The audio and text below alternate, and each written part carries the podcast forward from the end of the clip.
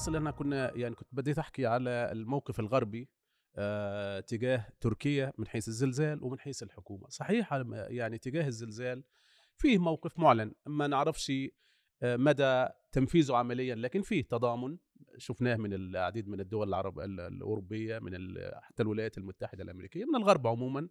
الغرب والشرق الحقيقة كله في حالة تضامن جيدة تجاه تركيا وإن كنا نلوم عليها إنها لم تأخذ نفس الحجم بالنسبة آه، لكن في شق آخر من الموقف الغربي هو تجاه الحكومة التركية. والحقيقة الموقف ده كان بادئ قبل الزلزال وغالبا سيستغل الزلزال لضرب الحكومة التركية نفسها. أحدث شيء أنا قرأته اليوم قبل الحلقة تقرير على موقع البي بي سي.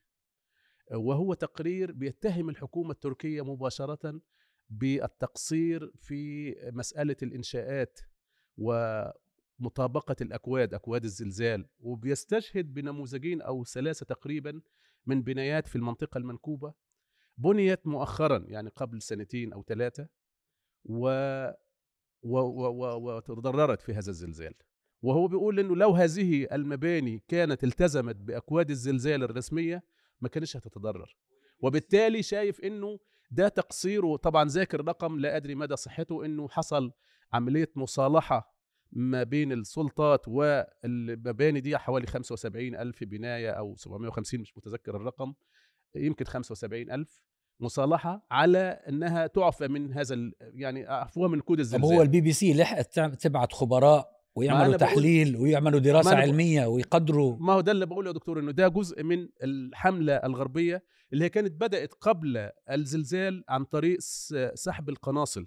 أربع دول أوروبية بدأت تسحب قناصلها من تركيا بحجة مخاوف أمنية. كل دي كانت في إطار الضغوط ومحاصرة الحكومة التركية الحالية بحيث إن نصل إلى الانتخابات وهي في عزلة أوروبية مما ينعكس على نتيجة الانتخابات. الآن أتصور أنهم سيستثمروا أو سيوظفوا الزلزال. وطبعا في المعارضة التركية معهم على على الخط في محاولة توظيف أيضا آه، الزلزال للعب على يعني على نتيجة أو على المعركة الانتخابية. زي ما قالوا الزملاء قبل في الجزء الأول إنه الزلزال سيكون هو العنصر الحاكم في المعركة الانتخابية القادمة. وليس موضوع الاقتصاد وليس موضوع اللاجئين السوريين وليس النواحي الأمنية. حتى الاقتصاد نفسه وإن كان عنصر مهم سيتضرر أكثر بالتأكيد من نتيجة هذا الزلزال. يعني عندك مطارات أربع مطارات من سبعة في المنطقة اللي هي تضرر اللي فيها الزلزال تضررت تضررا كبيرا. موانئ تضررت أنابيب نفط وغاز تضررت. يعني بنية تحتية كبيرة تضررت. غير طبعا المساكن الكبيرة اللي هي حوالي 7000 مسكن أعلنوا عنها حتى الآن آه، تهدمت.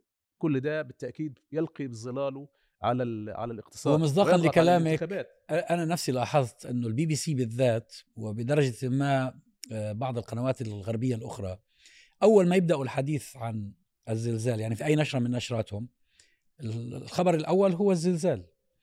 أول ما يبدأوا يبدأوا بتقصير الحكومة.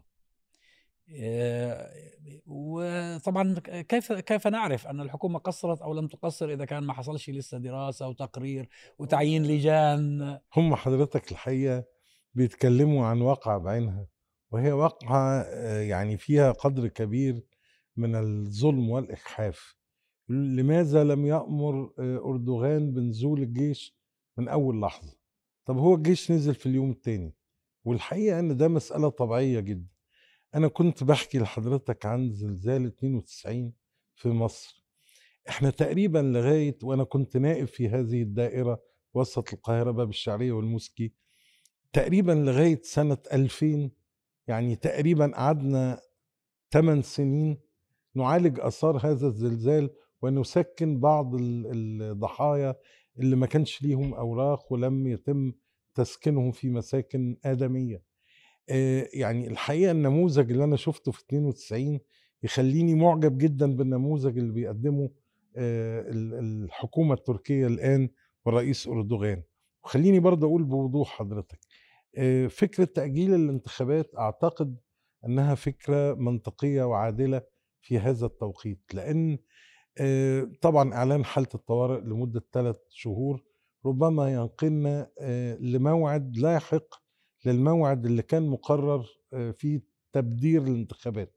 يعني هو كان في تبكير أو انتخابات رئاسية مبكرة ربما أظن كانت منتصف مايو. في منتصف مايو. أعتقد إن هذا الموعد قد يؤجل وقد يؤجل لمسافة أطول لأن المجتمع في حالة أزمة والناس في حالة الأزمة الحقيقة لا تحسن الاختيار لأن ممكن يكون قراراتها بتأثير من لحظة الأزمة.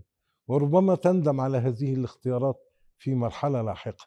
فأنا يعني الحقيقة شايف إن الجهد الذي يبذل من المجتمع التركي ومن الدولة التركية لا يمكن الحكم عليه بهذه العجلة. والموقف الغربي المعادي في إعلامه أو في بعض السياسيين الغربيين الحقيقة بينم أو بيشف عن موقف أصيل لا علاقة له لا بالزلزال ولا بغير الزلزال. وحجم المقالات التي تنشر في الصحافة الغربية ضد تركيا الحقيقة مثير للاستفهام. بينما بعض الظواهر اللي هم بيتكلموا عنها هي في أوروبا أكثر وأخطر وأسوأ.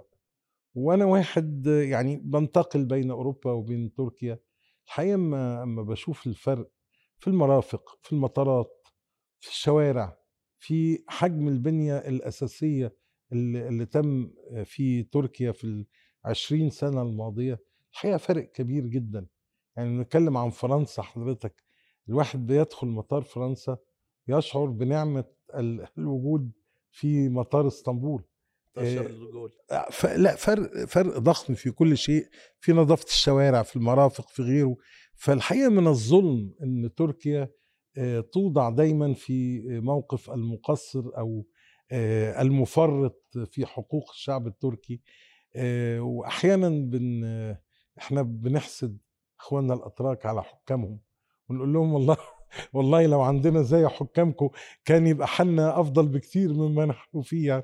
والسنوات الماضية دكتور نور لو سمحت لي هذا البلد الجميل يعيش دائما كوارث. اما سيول مدمره أو زلازل أو حرائق. الرئيس أوفى بوعده سلم ضحايا كارثة السيول في طرابزون منازلهم وسلم ضحايا الحريق في موغلا منازلهم وسلم ضحايا زلزال إزمير منازلهم. حتى أن عندما تتابع مواقع التواصل الاجتماعي وترصد انطباعات الناس أكثر الناس تشددا ضد الحزب الحاكم خصوصا من كبار السن اللي هم يعتبروا يعني يعيشون في معقل يعني كبير جدا للمعارضة غيروا مواقفهم يعني باتوا ينتقدون أولئك الذين لا يكفون عن انتقاد الرئيس بينما هذا الرئيس لا لا يتوقف عن الإنجازات العظيمة. يعني تسلموا منازلهم وعاشوا بكرامة بعد زلزال مدمر. هذه النماذج وهذا التراكم هذا التراكم في الإنجاز أعتقد أنه سيفشل المحاولات الانتخابية التي تقوم بها المعارضة الآن للخصم الرصيد هو على فكرة بخطابه أظن أمس أو أول أمس قال شيئا مشابها. قال أما الذين توفوا فلا نملك إعادتهم أمرهم إلى الله ولا حول ولا قوة إلا بالله. وأما الذين فقدوا منازلهم فنعدكم. بأننا سنعوضكم. أنا في تقديري أنا ليس لدي شك في قدرة الدولة التركية بالقيادة الحالية على الاستدراك على هذه الأزمة. دولة لديها إمكانيات مهمة ولديها شعب متضامن كذلك حتى حالات التضامن الآن الشعبي داخل الشعب التركي عالية جدا ولا ولا تنصرف أي واحدة منها للنيل من الحكومة أو من النظام لم نرى شيئا من هذا يعني جزء من المعارضة يحاول أن يستثمر في أزمة الأتراك بني جلدته وأسوأ أنواع الاستثمار هو هذا الاستثمار في أزمات الناس. وفي تقديري الخسارة هنا مضاعفة لهؤلاء خسارة أخلاقية وهي يا لها من خسارة وخسارة سياسية لأنه في تقدير الأتراك لهم من النضج أن يميزوا يعني بين يعني أمور كثيرة. حتى العالم الغربي. قبل سنوات أنا أعرف جيدا وكنا نتحدث عن فرنسا. فرنسا أصابتها في عهد جاك شيراك أظن يعني موجة حر عالية مات فيها الآلاف من المسنين الفرنسيين الآلاف. أزمة. وتركوا لأيام كثيرة دون دون دون يعني أن أن يواروا القبور لأنه ما عندهم عائلات تستلمهم. لهذه الدرجة. في أزمة كورونا التي عشناها جميعا إيطاليا كادت أن تهلك في والعالم الأوروبي كله حولها ولم تستطع أن تواجه هذه يعني الموجة من الكورونا إلا بشكل صعب وصعب جدا. لكن لم يخرج أحد من العرب أو المسلمين قال يعني أنهم يعيشون ما يستحقون. يعني بالعكس تماما كان هناك تعاطف عالي ومهم. يعني علمتنا أخلاقنا علمتنا آه، يعني مبادئنا إنه في الأزمات الإنسانية توقف. يتوقف القصف السياسي. الأصل فيه هو التضامن الأصل فيه هو إنه نتجاوز هذه المرحلة ثم بعد ذلك يمكن أن نصفي حساباتنا السياسية. هذا هو هذا هو الأولى. وأنا في تقديري إنه بالعكس قد تكون هذه الأزمة في ممكن في ظاهرها محنة ولكن في عمقها ممكن أن تكون منحة حقيقية ليثبت مرة أخرى. وقد أثبت هذا أردوغان وحكومته إنه قادر على قيادة آه، تركيا الحقيقة آه، رغم كل الأزمات. وفي التالي هذه الحملات أنا في تقديري معلومة ومع معروفة لا يجب أن ننسى إنه بايدن رغم إنه سياسته في تقديري تغيرت الآن في التعامل مع أردوغان ومع دور أردوغان في المنطقة آه، كان كان واضحا في حملته الانتخابية إنه يريد تغيير النظام في تركيا وكثير من الدول الأوروبية كانت تساندته في هذا آه، فتركيا تتحمل اليوم ضغوط هائلة وعالية جدا. وأنا أتوقع إنه الشعب التركي له من النضج ما يؤهله إنه يعني يختار الأصوب له في المرحلة القادمة وإنه في تقدير لا يجب أن نجزع كثيرا من هذه القضايا. هو الحقيقة ينبغي أن يحصل توافق دولي على عدم تسييس الكوارث الطبيعية. لأنه تسييسها يعيق أصلا إغاثة الملهوف والمساعدة في تجاوز آه، آثار المحنة. كما إنه في الآن منظمات تعنى بالبيئة، منظمات تعنى بحقوق الطفل، منظمات تعنى بحقوق المرأة، لابد أن يكون هناك توافق عالمي على عدم تسييس آه هذه الكوارث. أمس سمعت مناشدة من أحد الناطقين باسم منظمة منظمة أممية من الأمم أو الأمم المتحدة الأمم المتحدة نفسها الأمم المتحدة. دخلت الخط يعني قال يا جماعة انسوا الأمور السياسية. أهل سوريا الآن يحتاجون إلى كل دعم ممكن. يعني مش معقول بسبب الخلافات السياسية والأزمات التي شهدتها المنطقة خلال العقد الماضي يترك الناس تحت الأنقاض. آه، وكان كان بالإمكان لو في إرادة دولية أن تفتح الحدود. لكن طبعا في في في تعقيدات الدول لا تريد أن أن تتعامل معها لحسابات آه، سياسية. للأسف إحنا دائما أراضي لتصفية الحسابات بين القوى بين القوى الكبرى. هذا يحصل بشكل واضح في الحالة السورية كما ذكرتم حتى في الحالة التركية بنفس بنفس الكيفية. يعني هناك إرادة لإسقاط النظام في تركيا. قد تكون هذه وشارل إبدو. لذلك أنا أكدت على أنه ما برز من خطاب في كاريكاتير شارل إبدو هو في الحقيقة يعبر عن عمق السياسة الرسمية الفرنسية. وهنا يسمح لي حتى الدكتور آه، أيمن أن أختلف معه. نحن كتونسيين أكثر من يعرف الفرنسيين. يعني عشنا احتلالا طويلا تحت تحت تحت الفرنسيين. ومنطقة المغرب العربي بالذات تعرف ماذا يعني أن تكون محتلا تحت الوصاية الفرنسية. يعني لم لم يتركوا شيئا لم يعبثوا فيه. البشر الإنسان الأخلاق التعليم التربية الصحة. فرنسا جاءت ووزعت كل الثروة التونسية على عشر عائلات تدين لها بالولاء. فرنسا هي التي دمرت مسار الانتقال الديمقراطي في تونس. معطيات كثيرة تؤكد هذا أنا لا يهمني كثيرا الكلام يعني الدبلوماسي الذي تطلقه آه، يعني بين قوسين قصر فرساي ما يهمني هو ما يحصل حقيقة على الأرض. وماذا تفعل اليوم فرنسا في ليبيا؟ فرنسا تشتغل على تقسيم ليبيا، هي تتحرك مع قوات فاغنر الروسية يعني وبالتالي آه، فرنسا هي التي نهبت كل ثروات المنطقة الإفريقية وإلى اليوم تستعبد هذه المناطق وتعتبرها حديقة خلفية وبالتالي آه، اليوم الحقيقة هناك آه، يعني صيحة فزع حقيقي للعالم أزمته أزمة أخلاق إنه المشروع الغربي وصل إلى نهايته باعتبار إنه سقط في سؤال الأخلاق يعني ممكن والانحراف بدأ بشكل سريع خاصة في العقود الأخيرة وهذا يؤكد أن اليوم اليوم العالم في حاجة إلى مراجعة هذا السؤال وإيجاد حل حقيقي. أنا معك تماما. في ما يعني كيف يمكن أن نقبل بتسييس أزمات الناس والاستثمار فيها؟ هذا الاستثمار في الدم.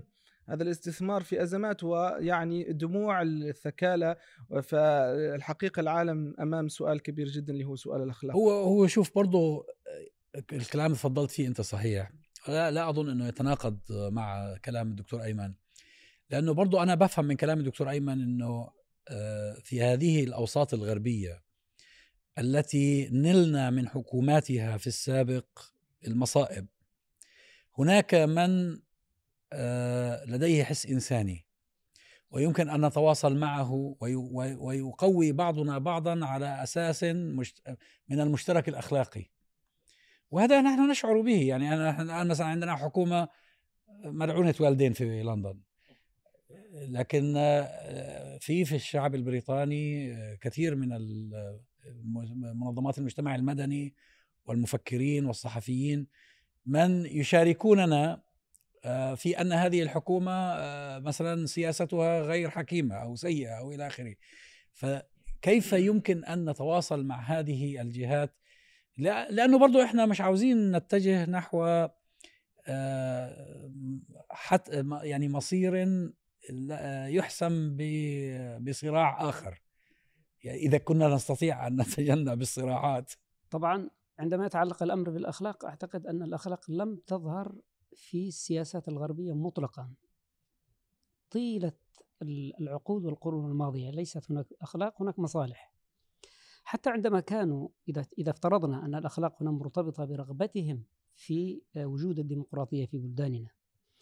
هذه المسألة كانت آه، تتسم بقدر كبير من النفاق السياسي ثم كان القادة الغربيون مدركون أنهم قد وضعوا هذه البلدان بأيدي أمينة. أنظمة ديكتاتورية راسخة تقوم بالواجب وهم يقومون بابتزازها ليظهروا هذا البعد الأخلاقي في سياساتهم. لكن هذا الأمر فضح بشكل كبير جدا في الربيع العربي. عندما تكالبوا على النزعة المستقلة التي عبر عنها الربيع العربي الذي أراد دولا تتصرف باستقلالية تامة وتعبر عن مصالح شعوبها بشكل كامل. استهداف تركيا هي استهداف للقرار المستقل في تركيا. هذا القرار الذي يجعل ثاني أكبر قوة من حيث العدد في الناتو دولة تستطيع أن تؤثر وتستطيع أن تقول للسويد يمكنك أن تنضمي أو لا تنضمي إذا لم تكون هناك مراعاة لمصالح هذا البلد الكبير. فتركيا المستقلة هي المستهدفة. القرار المستقل في تركيا هو هي المستهدف هم يريدون بلدا مسخا كما تعاملوا معه طيلة العقود الماضية. بلد يعني يعطي آه، يعني يزود قوات حفظ السلام الدولية بالجنود. لكن هذه القوات لا تستطيع أن تعبر عن مصلحة تركيا المستقلة. حاربت في في في كوريا الجنوبية وكان لهم إسهام كبير جدا لكن لم يكن هناك انعكاس جيوسياسيه على مصالح تركيا.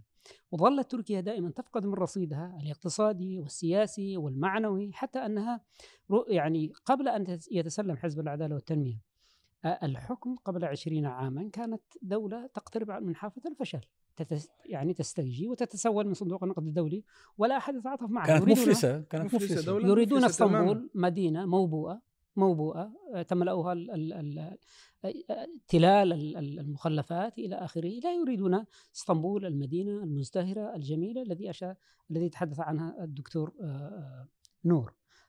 فالاستهداف واضح. يعني الغرب هنا بعيد عن نظرية المؤامرة لكن الغرب يضاق ذرعا بوجود دولة بهذا الحجم تمتلك قرار مستقل. في الحقيقة يعني مثلا في حرب أوكرانيا كانوا يريدون تركيا تابعة من أجل الضغط على روسيا. لم يستطيعوا ذلك. لهذا زاد زاد آه، آه، يعني بس شوف هو حصل حاجة حصل فرق مهم يعني الحقيقة في هذه في هذه العلاقة الطويلة بيننا وبين الغرب. اليوم في المجتمعات الغربية توجد نسب لا بأس بها من المسلمين والعرب فيها تعددية مجتمعية غير مسبوقة. في تواصل بسبب آه، صراعات الحديثة. بمعنى آخر أن الله تعالى يتيح لنا فرصة آه، الحوار على مختلف المستويات. يعني أنا أنا معكم في أنه من يحكم اليوم في الغرب ما زال يحكم بنفس النفسية تقريبا نفسية الخصومة والعداء والتربص. آه إلى آخره. ولكن في تفاعل مجتمعي نحن بحاجة إلى أن نغتنم آه حدوثه. هو ده يا دكتور اللي أنا كنت أقصده. الحقيقة أنا يعني آه، ليس لدي شك في كل ما آه، نسب للأنظمة التي ما زالت تتعامل بالعقلية الاستعمارية البغيضة تجاه المنطقة وتجاهنا كعرب وكمسلمين. لكن أنا بتكلم عن مجتمعات فيها مستويات مختلفة من المؤسسات وسيطة آه، من أحزاب من مؤسسات مدنية من مثقفين من مفكرين الكثير منهم الحقيقة يعني يؤرقوا آه، وضع هذه الحكومات ويرى أنها ما زالت في الطريق الخطأ. آه، هذه القوى يمكن أن تتحول إلى قوى ضاغطة ومؤثرة في اتخاذ القرار مستقبلا. إذا ما وجدت أن هناك صدى أو أن هناك حوار حقيقي بينهم وبين قوى مستنيرة في العالم العربي. أنا بعتقد إسقاط ورق ورقة الغرب بالكامل واعتباره يعني مصنف في إطار المؤامرة. حتى لو كان هناك مؤامرة أعتقد إن ده مش السلوك الأفضل اللي المفروض نقوم بيه. تحديدا أنا بتكلم عن النخب وعن المثقفين وعن السياسيين وعن الأحزاب السياسية أه لابد أن يكون لنا دور فيما يسمى بالدبلوماسية الشعبية. يعني أنا الحقيقة أنا التقيت ببعض المسؤولين من الحزب الحاكم الحالي. الحقيقة كانت لقاءات كارثية. يعني كانت لقاءات أقرب ما تكون الحزب الحاكم في فرنسا. الفرنسي آه. والحقيقة كان يعني في حالة من العداء واضحة جدا لأن في مصالح مشتركة بينهم وبين الأنظمة اللي موجودة في المنطقة اللي إحنا ضدها. لكن في المقابل أنا التقيت بأعضاء في البرلمان عندهم مواقف أخرى. نقيض موقف الحزب الحاكم بنسبة 100% طيب هل نهمل هذه الأحزاب؟ لا طبعا صح وهي أحزاب صاعدة ولديها فرص في المستقبل أن تكون أكثر تاثيرا في الانتخابات القادمة والتي تليها. فهو بس يعني أنا مش مختلف أن هناك تاريخ أسود للفرنسيين في المنطقة مش مختلف. وأن النظام الحالي في فرنسا هو نظام يعني له موقف واضح جدا تجاه الإسلام والعروبة وغيرها. ومنتمي أو منحاز دول بعينها لديها مشروع عدائي تجاه الربيع العربي وتجاه إرادة الشعوب وغيره. لكن أنا أتحدث عن كتلة المجتمع التي يجب ألا نسقطها من حساباتنا. هي موضوع المجتمع ده هو فعلا الموضوع اللي محتاج إلى عمل مننا. وإحنا بما أننا بنتحدث الآن من قناة الحوار وهي يعني قناة مشاهدة في الجاليات العربية في أوروبا وفي الغرب بشكل كبير فالحقيقة خطابنا لهم هم لأنه هم المفروض اللي هم يعني سفرائنا في في الغرب وهم اللي المفروض يعني يقوموا بهذه المهمة.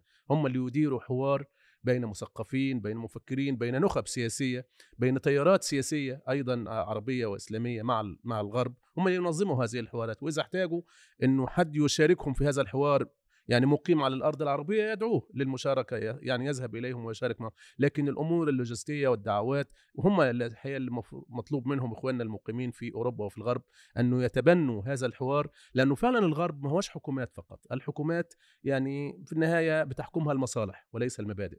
أما الغرب فيه فيه شعوب زي ما قال الدكتور أيمن فيه مجتمع مدني وهو مجتمع مدني متنوع حقيقي يعني فيه اللي معك وفيه اللي ضدك. يعني وبالتالي أنت تقدر. يعني من خلال الحوار مع هذا المجتمع المدني أنك أنت توسع رقعة المؤيدين لك ولقضاياك. يعني عندك أحزاب يعني في الغرب أحزاب الخضر مثلا قريبة من من منا الأحزاب اليسارية بشكل عام يعني قريبة منا في بعض القضايا السياسية وإن كانت يعني بعيدة عنا في القضايا الأخلاقية. ما مش مشكلة هم أحرار في فيما يعتقدون لكن نقدر نتعاون مع بعض وليسوا سواء بالضبط. يعني وهذا يعني إخواننا المقيمين في الغرب هم يستطيعون أن يعني يكونوا يعني خارطة وبتنوعاتها المختلفة ويبدأوا بالفعل معها يعني مثل هذه الحوارات اللي تنعكس على قضايانا سواء قضايانا السياسية قضايانا الدينية قضايانا المجتمعية. يعني نجد نصير وإحنا شفنا بالفعل نصير من الشعوب العربية في بعض القضايا وقفوا معنا وتضامنوا معنا في بعض القضايا الكبرى. يعني لا ننسى أبدا في حرب العراق يعني عندكم في لندن أضخم مظاهرة لم ت... لم ت... لم تتحرك في دولة عربية تحركت لا في لندن. وحتى في تاريخ بريطانيا لم يحصل لم يحدث مثلها. نعم نعم يعني بمشاركة نواب في البرلمان البريطاني وغيره يعني وما بعدها يعني حدث يعني مظاهر تضامن يعني في الربيع العربي أيضا المجتمع الغربي كان متعاطفا جدا مع هو هذا العربي. هذا اللي بيعطينا أمل على فكرة. أنا ما زلت أذكر في الأسابيع الأولى لثورات الربيع العربي كيف أن عامة الناس في أوروبا كانت تفاخر بالعرب تصور يعني أنت أنا بالنسبة لي أنا كواحد رحت بريطانيا بال 74 وأنا طالب صغير وعشت هناك آه، عمرك كله. نصف قرن يعني وأعرف كيف آه، مدى نظرة ينظرون لنا نظرة دونية بالعادة يعني بسبب جهل يعني مش مش بالضرورة الكل حاقد لكن في جهل كبير لما صار الربيع العربي الحقيقة أن صورة العربي في أذهان الغربيين أصبحت صورة رائعة. آه، وإنه مدافع عن الحرية والكرامة والديمقراطية وكل هذا الكلام. لذلك أنا لا أفقد الأمل في آه، فتح فتح أبواب الحوار وفي مد الجسور آه، مع هؤلاء الناس في لا لا أنا معك تمام دكتور ومع الدكتور أيمن يعني حتى يفهم الكلام في سياقي. أنا شخصيا عندي أصدقاء كثر فرنسيين وبريطانيين وأمريكان. وألتقي معهم تماما في كثير من المقولات في علاقة بعالمنا العربي وحتى بالعالم. هذه حقيقة اليوم في العالم الغربي.